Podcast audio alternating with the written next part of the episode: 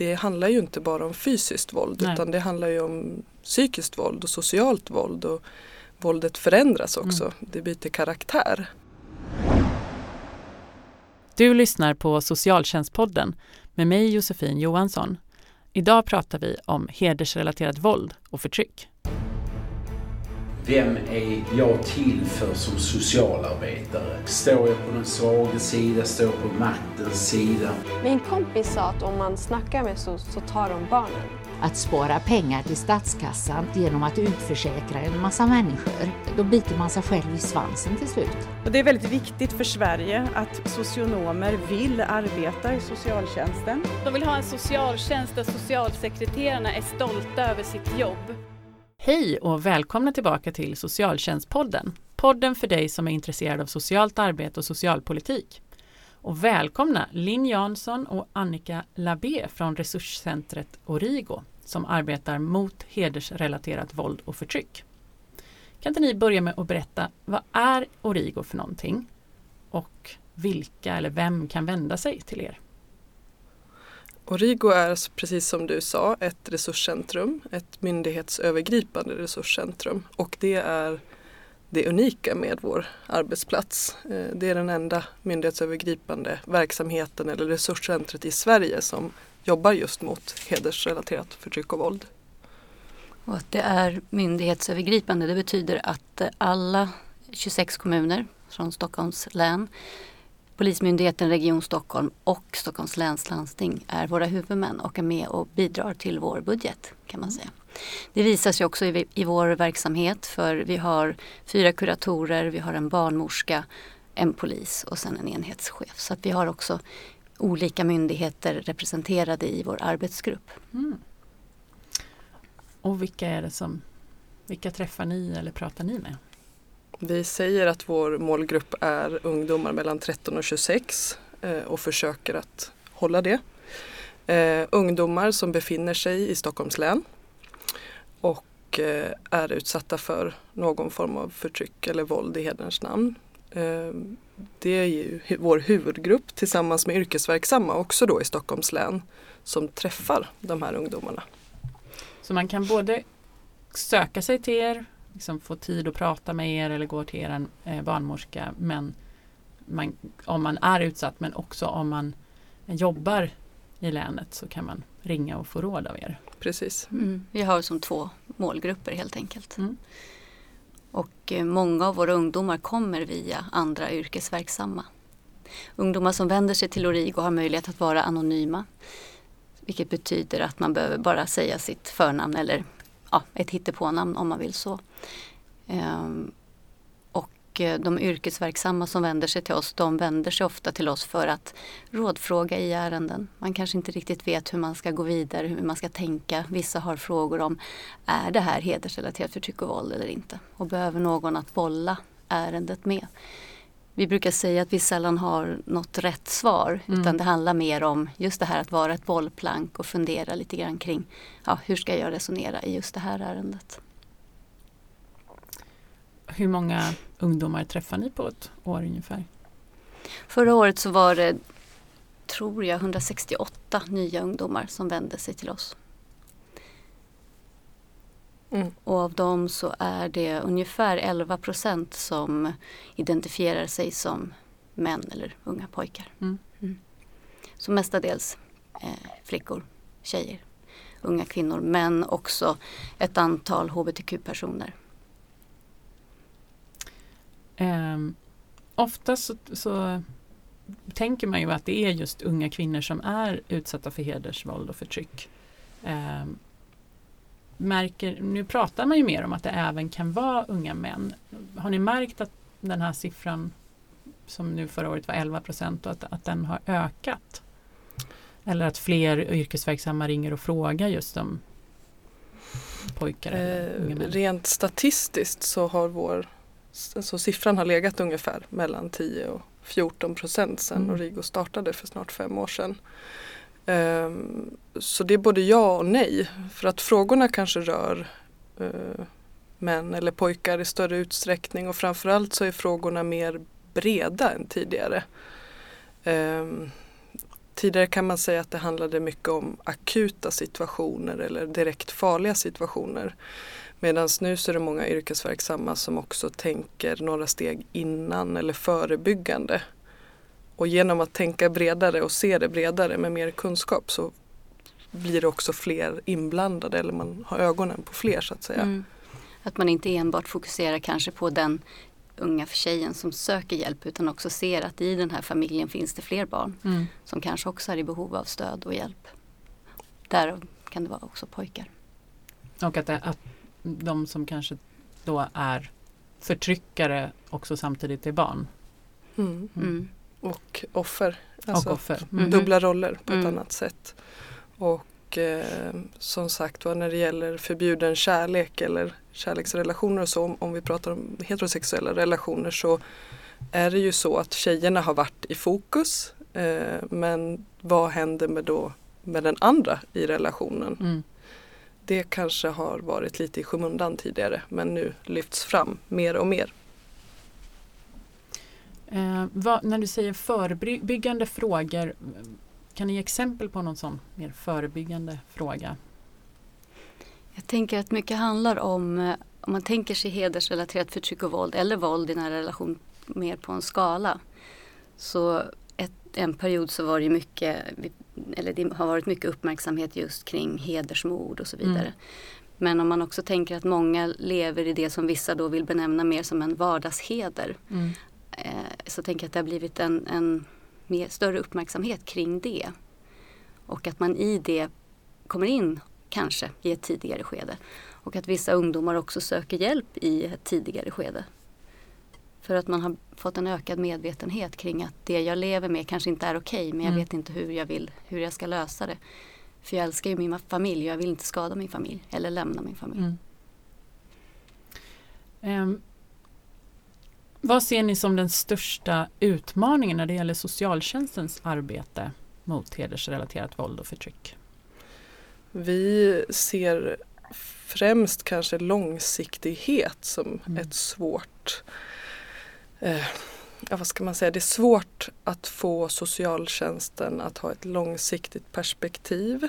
Um, och um, för oss så är det grundläggande för att på något vis komma så hel som det går ur de här processerna. Eh, vi ser ju att socialtjänsten får mer och mer kunskap och gör jättebra jobb i, i de här akuta lägena. Då vet de flesta vad som krävs och så. Men hur stöttar vi de här ungdomarna långsiktigt? Mm. Det jobbar ju vi med på Origo men vi behöver mer samarbete med mm. socialtjänsten för att tänka långsiktigt. De här processerna tar tid. Och RIGO, vi är också begränsade för vi är en råd och stödverksamhet vilket betyder att vi har ett maxantal på 15 samtal i grund och botten. Så, ja. så det där långsiktiga stödet, sen är det, det, det, kanske inte är så enkelt för oss att uppfylla det. Sen är det så att många av våra ungdomar de kommer i ett skede, försvinner en period och sen kanske de återkommer när det är ett annat läge. Så då kan det bli en ny period. Mm. Vi är begränsade utifrån att vi är just en råd och stödverksamhet. En annan sak som vi också tänker är en utmaning för socialtjänsten det är familjearbetet. Mm. Att arbeta med en våldsutövare eh, är ganska nytt för socialtjänsten och problematiskt och svårt många gånger. Men att sen arbeta med eh, eh, våldsutövare i en hederskontext tänker jag eller vi är ännu mer problematiskt och någonting som inte alls är forskat på eller beprövat så. Så det är någonting som behöver utvecklas, en metod för det. Dels för att hitta familjerna. Om man återkommer mm. till den där skalan, de familjer som man då tänker sig att göra någon form av bedömning, de här skulle man eventuellt kunna arbeta med. Sen är det själva huret. Hur ska man göra det? Det finns jättemycket bra familjebehandlingsmetoder men de behöver ju anpassas också.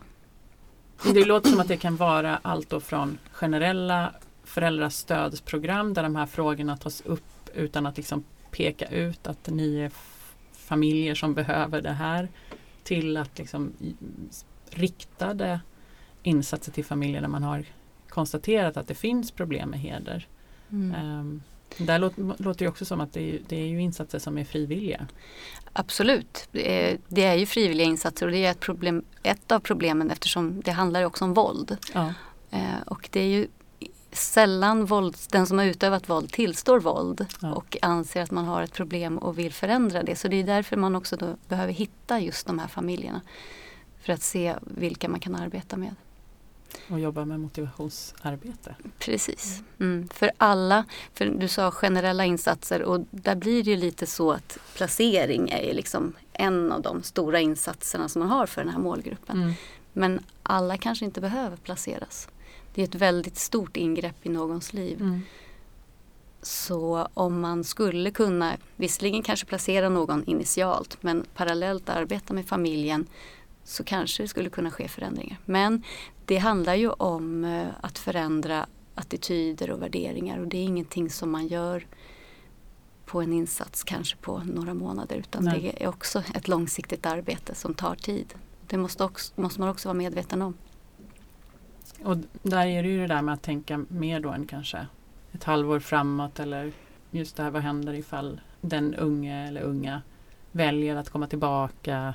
Mm. Ehm, Säkerhetsbedömningar i Ja. grunden hela tiden. Mm. ehm, det för oss lite in till den här debatten som, som är lite av och till i, i Sverige om, om vi gör tillräckligt mycket för att stoppa hedersvåld. Eh, om man ska se det som en del av mäns våld som kvinnor eller om det är en specifik form av våld. Eh, och en sak som har lyfts i, i debattartiklar är att socialtjänsten då blir manipulerad av föräldrar som säger att de ska sluta slå eller de ska sluta begränsa sina eh, barns rättigheter. Eh, och att en del debattörer då menar att det är inte troligt att en familj slutar att eh, bete sig så här. Eh, hur ser ni på liksom den debatten? Det är många frågor i en där, men jag tänker som, om- för att återkoppla till det som jag nyss sa med familjearbete och så. Eh, att socialtjänster blir manipulerade. Så dels så ser vi att många socialtjänster tyvärr tar föräldrarnas parti i, i lite för hög utsträckning. Att det är inte alldeles lätt för socialtjänsten att hålla för det blir som två berättelser som ofta då står emot varandra och Mm. där är det tyvärr så att vår erfarenhet är att ungdomens berättelse kommer i andra hand. Och jag tänker också som svar på den frågan att om en person inte tillstår något våld eller eh, är villig att genomgå någon förändringsarbete kring det här. Då tänker jag att då, då är det inte så stor möjlighet att det har skett någon förändring i Mm. den familjen. Men det kan ju vara att man säger att ja, ja, vi har gjort det här, vi ska inte göra det igen. Vi förstår nu att det är fel. Ehm, Vi har ju gått den här, vi kanske, man kanske har haft familjebehandling eller så. Så nu Mm. så ska vi göra på ett annat sätt. Ehm, och sen så blir det inte så ändå. Men Det är en svårighet att mäta den här Ja. typen av förändring. Mm. Eh, om vi jämför med till exempel ett missbruk eller något som går att verkligen stämma av genom program eller tester eller så, så är ju normer och värderingar, det är ju någonting annat. Mm. Ehm, och våld är också svårt att stämma av. Alltså, Mm. Det handlar ju inte bara om fysiskt våld Nej. utan det handlar ju om psykiskt våld och socialt våld. Och våldet förändras också, Mm. det byter karaktär. Ehm, Men även där då att man som socialtjänst behöver tänka långsiktigt och kanske inte släppa familjen. För jag tänker att om ungdomen har fått förtroende initialt och kanske kommer tillbaka och att det sen då uppstår problem igen. Har man en relation så kanske man återkommer Mm. om det är så att det inte har blivit bättre. Och här blir det ju också då en utmaning med personalomsättningen i socialtjänsten. Att en socialsekreterare kan ha slutat eller man kan ha haft flera. Eh, Men sen är det ju också det här med att eh, ja, men om, om familjen inte vill ha mer insatser, det går inte, finns ingen skäl för tvång. Mm. Hur länge ska man då hänga sig kvar eller kalla eller Mm. ja, innan man avslutar? Mm. Ja det där är Det är jätteproblematiskt. Mm. och det gäller ju i alla våldsfall. I alla, Ja. precis för jag skulle säga att vi ska kanske inte heller lyfta ur det här med hedersperspektivet fullständigt. Alltså det gäller ju att tänka våld och Mm. familjearbete och Mm. barns bästa Mm. oavsett eh, Ja, för det här med två olika tradition. historier kan man ju ha eh, Ja. i en familj där det inte är heder men det är våld. Mm, Mm. precis. Och det är väl lite så vi tänker att ja, det är våld i nära relation men till viss del är det också vissa specifika mekanismer Mm. och där har vi det kollektivistiska, det är det som är skillnaden. Eh, Men man får ändå inte göra för stor skillnad tänker vi för det handlar om barn som regel då, barn som är utsatta för någon form av våld och att man inte gör det för svårt för sig själv. Så både att se vad är det för likheter med vilken familj som helst där det finns våld eh, men också att se det specifika. Mm. Ja. Att det kan vara fler än en kärnfamilj inblandad. Mm. Vi har varit inne lite på vad metoder och sådär men vad finns det för framgångsrika metoder just för att arbeta med hedersrelaterat våld? Ehm, vad kan man göra för att förebygga och hur beforskat är det här praktiska arbetet? Inte alls, tyvärr. Eh, det finns inga beprövade metoder för just vår målgrupp. Eh, sen kan ju vi tycka att Origos sätt att arbeta är ett bra sätt. Men vi är ju inte beforskade. Nej. Nej. Eh, vi ser ju också stor, ett stort önskemål att det ska finnas fler Origo runt om i landet som, som jobbar på samma sätt för Mm. att vi också ska kunna jämföra oss eller utvecklas tillsammans.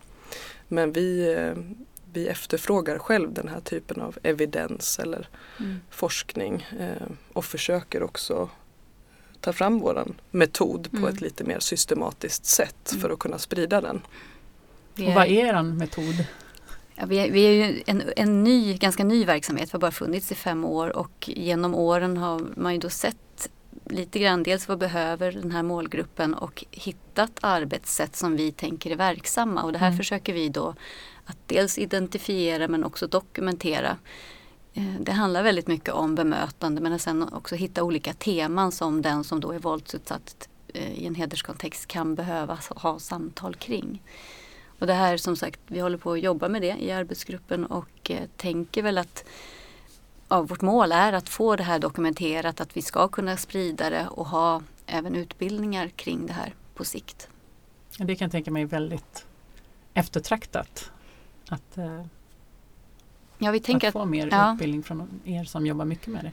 ja, vi tänker väl att det skulle finnas ganska många som kan, skulle kunna ha behov av det. Mm. Ja, vi, vi ser också en, en förfrågan eller en efterfrågan på fördjupad kunskap. Mm. Vi är ju ute Mm. och föreläser också, det är ett del av vårt uppdrag. Då har vi eh, bland annat en grundkurs eller en grundutbildning. Och vi får ofta höra att eh, det här var bra och lärorikt och nu vill vi veta mer. Mm. Hur gör vi rent praktiskt? Mm. Och där är vi inte riktigt än att vi kan sprida det mer än då, det vi redan gör. Vad, kan ni ge exempel på de här några teman som ni har kommit fram till är liksom viktiga att jobba med eller prata runt? Sådana här lite övergripande teman som är initialt. Det handlar ju väldigt mycket om information och det handlar om säkerhetsplanering beroende på i, vilken fas ungdomen befinner sig.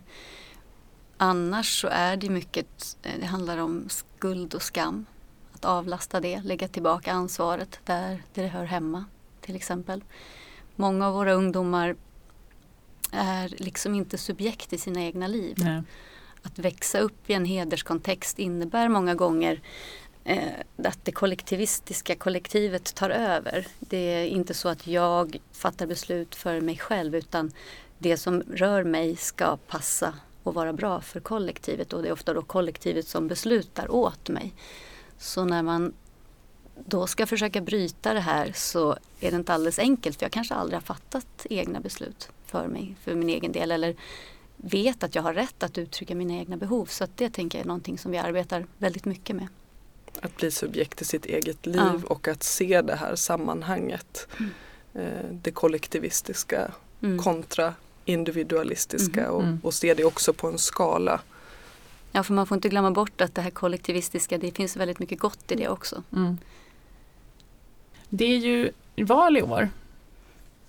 Vad finns det för förändringar i lagstiftningen som ni skulle vilja se för att kunna motverka hedersförtryck mer? Vi tänker att det är svårt att med lagstiftning förändra eller att, att motverka hedersförtryck. Eh, det har vi inget rakt och bra svar på hur lagstiftningen ska kunna göra det. Men när det väl har skett mm. så skulle det ju kunna se ut på andra sätt. Fler personer skulle till exempel kunna dömas för fridskränkning mot en person. Heder skulle kunna vara ett, eh, vad är det vi brukar säga, en försvårande omständighet, omständighet eller att det mm. blir kanske högre straffskala eller något. Vi, i alla fall att det lyfts. Det lyfts ja. fram. Som en försvårande omständighet i, kring våldet för att också synliggöra de här mindre beståndsdelarna. För nu handlar det ofta att det blir misshandel och mm. så. Skulle man använda grov kvinnofridskränkning eller grov fridskränkning, de brottsrubriceringarna så skulle man kanske också kunna få in de här mindre brotten som är kring det fysiska våldet. Mm. Så. Men sen tänker väl vi också, precis som regeringen har pratat nu i sina strategier och så utifrån att vi behöver arbeta mycket mer förebyggande. Mm. Och där handlar det ju inte om att arbeta förebyggande mot hedersrelaterat förtryck och våld utan det handlar ju om våld generellt. Mm. Våld på en skala. Våld, våld leder till våld, våld föder våld och, och våldet hänger ihop. Så att vi behöver arbeta tidigt med normer och värderingar, maskulinitetsnormer och så vidare med barn och unga. För att på sikt kunna se förändringar. Tänker vi väl. Mm. För det låter lite som att det då både handlar om att, att jobba mot en våld, ha strategi mot våld generellt i familjer men också utanför familjer. Men sen låter det också som att just främjande av barns rättigheter är någonting som också kan göra att eh, barn som växer upp i Sverige vet vad har jag för rätt i mitt liv och till min kropp. Och så. Mm, absolut. Det är många gånger det de vet som kommer till oss. De mm. flesta, skulle jag säga, som vänder sig till oss är ju i princip födda i Sverige. Mm. Har ju vuxit upp mittemellan det här individualistiska och kollektivistiska och mellan två olika sätt att leva. Så. Och de vet sina rättigheter men de älskar sin familj mm. och det är där det krockar i dem. Så deras värld är många gånger väldigt tudelad i grunden. Att försöka passa in i båda mm världarna. Mm. Um, Sverige är ju mycket större än, än, Stockholm och ni har sagt att ni tycker att det skulle vara bra ifall det fanns fler center som, som, eh, som ert. Eh, har ni något tips på vart man kan vända sig om man bor eller arbetar utanför Stockholms län och känner att man behöver bolla sådana här frågor med någon? Det finns ju en nationell stödlinje på Länsstyrelsen i Östergötland. Mm. Och de har eh, lite samma funktion som vi har i Stockholms län att ta emot eh, samtal både från yrkesverksamma och utsatta ungdomar. Framförallt yrkesverksamma mm. skulle jag säga, ja, mm. som konsultativt stöd. Men det vänder sig ungdomar dit också. Mm. Mm. Och det, det är ju rikstäckande så att säga. Det är ett uppdrag som ligger på Östergötland men det, det ringer från hela landet. Mm. Det är i princip de. Sen finns det också en bra verksamhet i eh, Uppsala som heter TRIS, Tjejers rätt i samhället, som mm. arbetar i de här frågorna. Men också med eh, ungdomar då som har en eh, funktionsnedsättning, ja, funktionsvariation. ja, precis. Mm. Så den kombinationen heder och en funktionsnedsättning. Så det, det finns bollningshjälp att, att få mm. även om man bor utanför Stockholm? Mm. det läns- finns det. Och ja. andra ideella organisationer också. Ja. Mm. Och Länsstyrelsen i Östergötland är mycket ute och föreläser också. Um, avslutningsvis då, vad tycker ni är det viktigaste man ska tänka på som yrkesverksam när man upptäcker eller misstänker att en person är utsatt för hedersförtryck? Att lyssna. Att ta det lugnt. ha is i magen. Viss erfarenhet har vi av att det är larm på en gång när Mm. man hör talas om hedersrelaterat våld. Och är det larm på en gång så är det svårt att lyssna Mm. och ta in Mm. eh, berättelsen. Mm. Så det är väl råd nummer ett. Mm. Och det hänger också ihop med att om en ungdom vänder sig till socialtjänsten eller polisen så måste man som regel ta dem på allvar. För man gör inte det. Det har man fått lära sig hela livet att det här som händer i familjen, det stannar i familjen. Det är en stor skam att söka hjälp. Så som regel så är det på allvar och då måste vi lyssna på dem. Säger de att de inte vågar hem, gå hem så vågar de inte gå hem.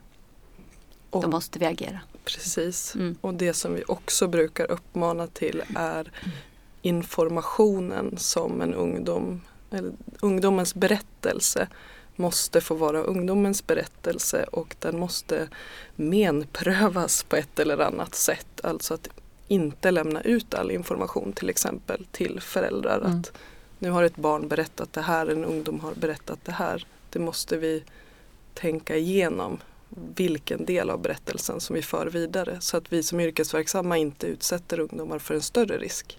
Precis, för det är någonting vi har sett generellt nu att många har, det finns en ökad kunskap Mm. generellt. Men när det sen kommer till själva händelsen, när ungdomen sitter där och man ska fatta sina beslut så tappar man kunskapen. Man kopplar inte riktigt ihop det. Kanske för att man till viss del utgår från sina egna normer. Det här med att ha pojkvänner är väl ingen stor grej. Det är klart att jag kan berätta det för den här tjejens föräldrar till exempel. Men det som man måste komma ihåg då det är ju att de här ungdomarna så länge de håller sig till familjens regler och normer så är det inga problem. Det är ju när man börjar göra motstånd mot dem som det kan bli farligt Mm. och farligast blir det när familjen kanske får reda på det man har gjort. Och om då socialtjänsten är den som berättar så skapar vi ju en hotbild för den här personen.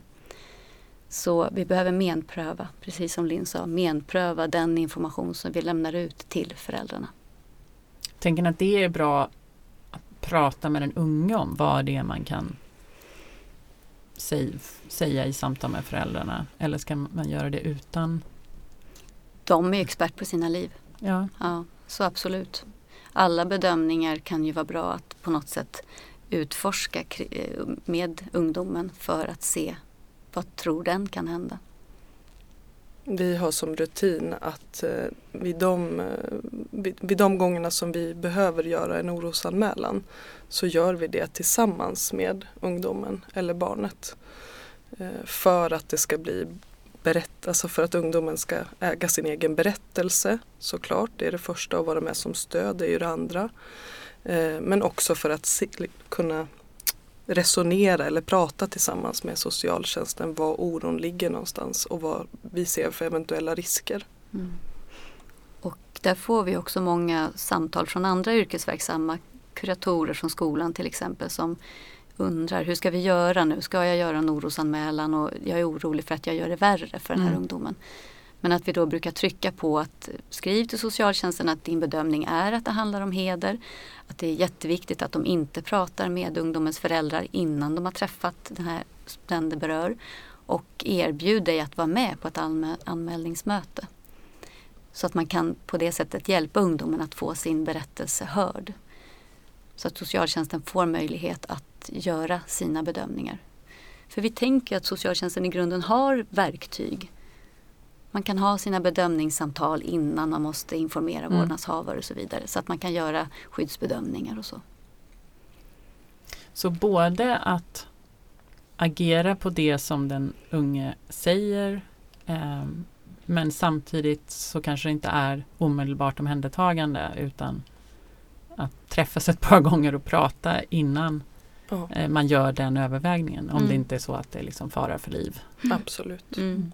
Och likaså att ungdomen då har möjlighet kanske att få information om vad det här med att bli placerad innebär. Mm. Så att man kan liksom påbörja en process i huvudet kring det. Mm. För många gånger innebär det ju en jätteförändring Ja. där man blir väldigt ensam. Man måste byta telefonnummer och sådana här saker. Kan inte ha kontakt med sin vanliga kontext, vänner, skola, kanske byta skola och så vidare. Och det vet de inte. Man måste väl liksom prata om det. Så att man i alla fall är lite förberedd på det som kommer. Mm. Tack så jättemycket Linn och Annika för att ni har varit med här idag och pratat om ert viktiga arbete. Och det är ju ett resultat av ett tips som vi fick in förra året. Och vi vill gärna ha fler tips från er som lyssnar på ämnen som vi kan ta upp. Så ni får gärna mejla till oss på socialtjänstpodden akademssi.se eller tipsa oss i sociala medier. Om två veckor är vi tillbaka och då kommer Stella Jakobsson hit från forskningsrådet Forte för att berätta om deras uppdrag om att förbättra kunskapsläget i socialtjänsten. Och tills dess så säger jag tack för att du har lyssnat.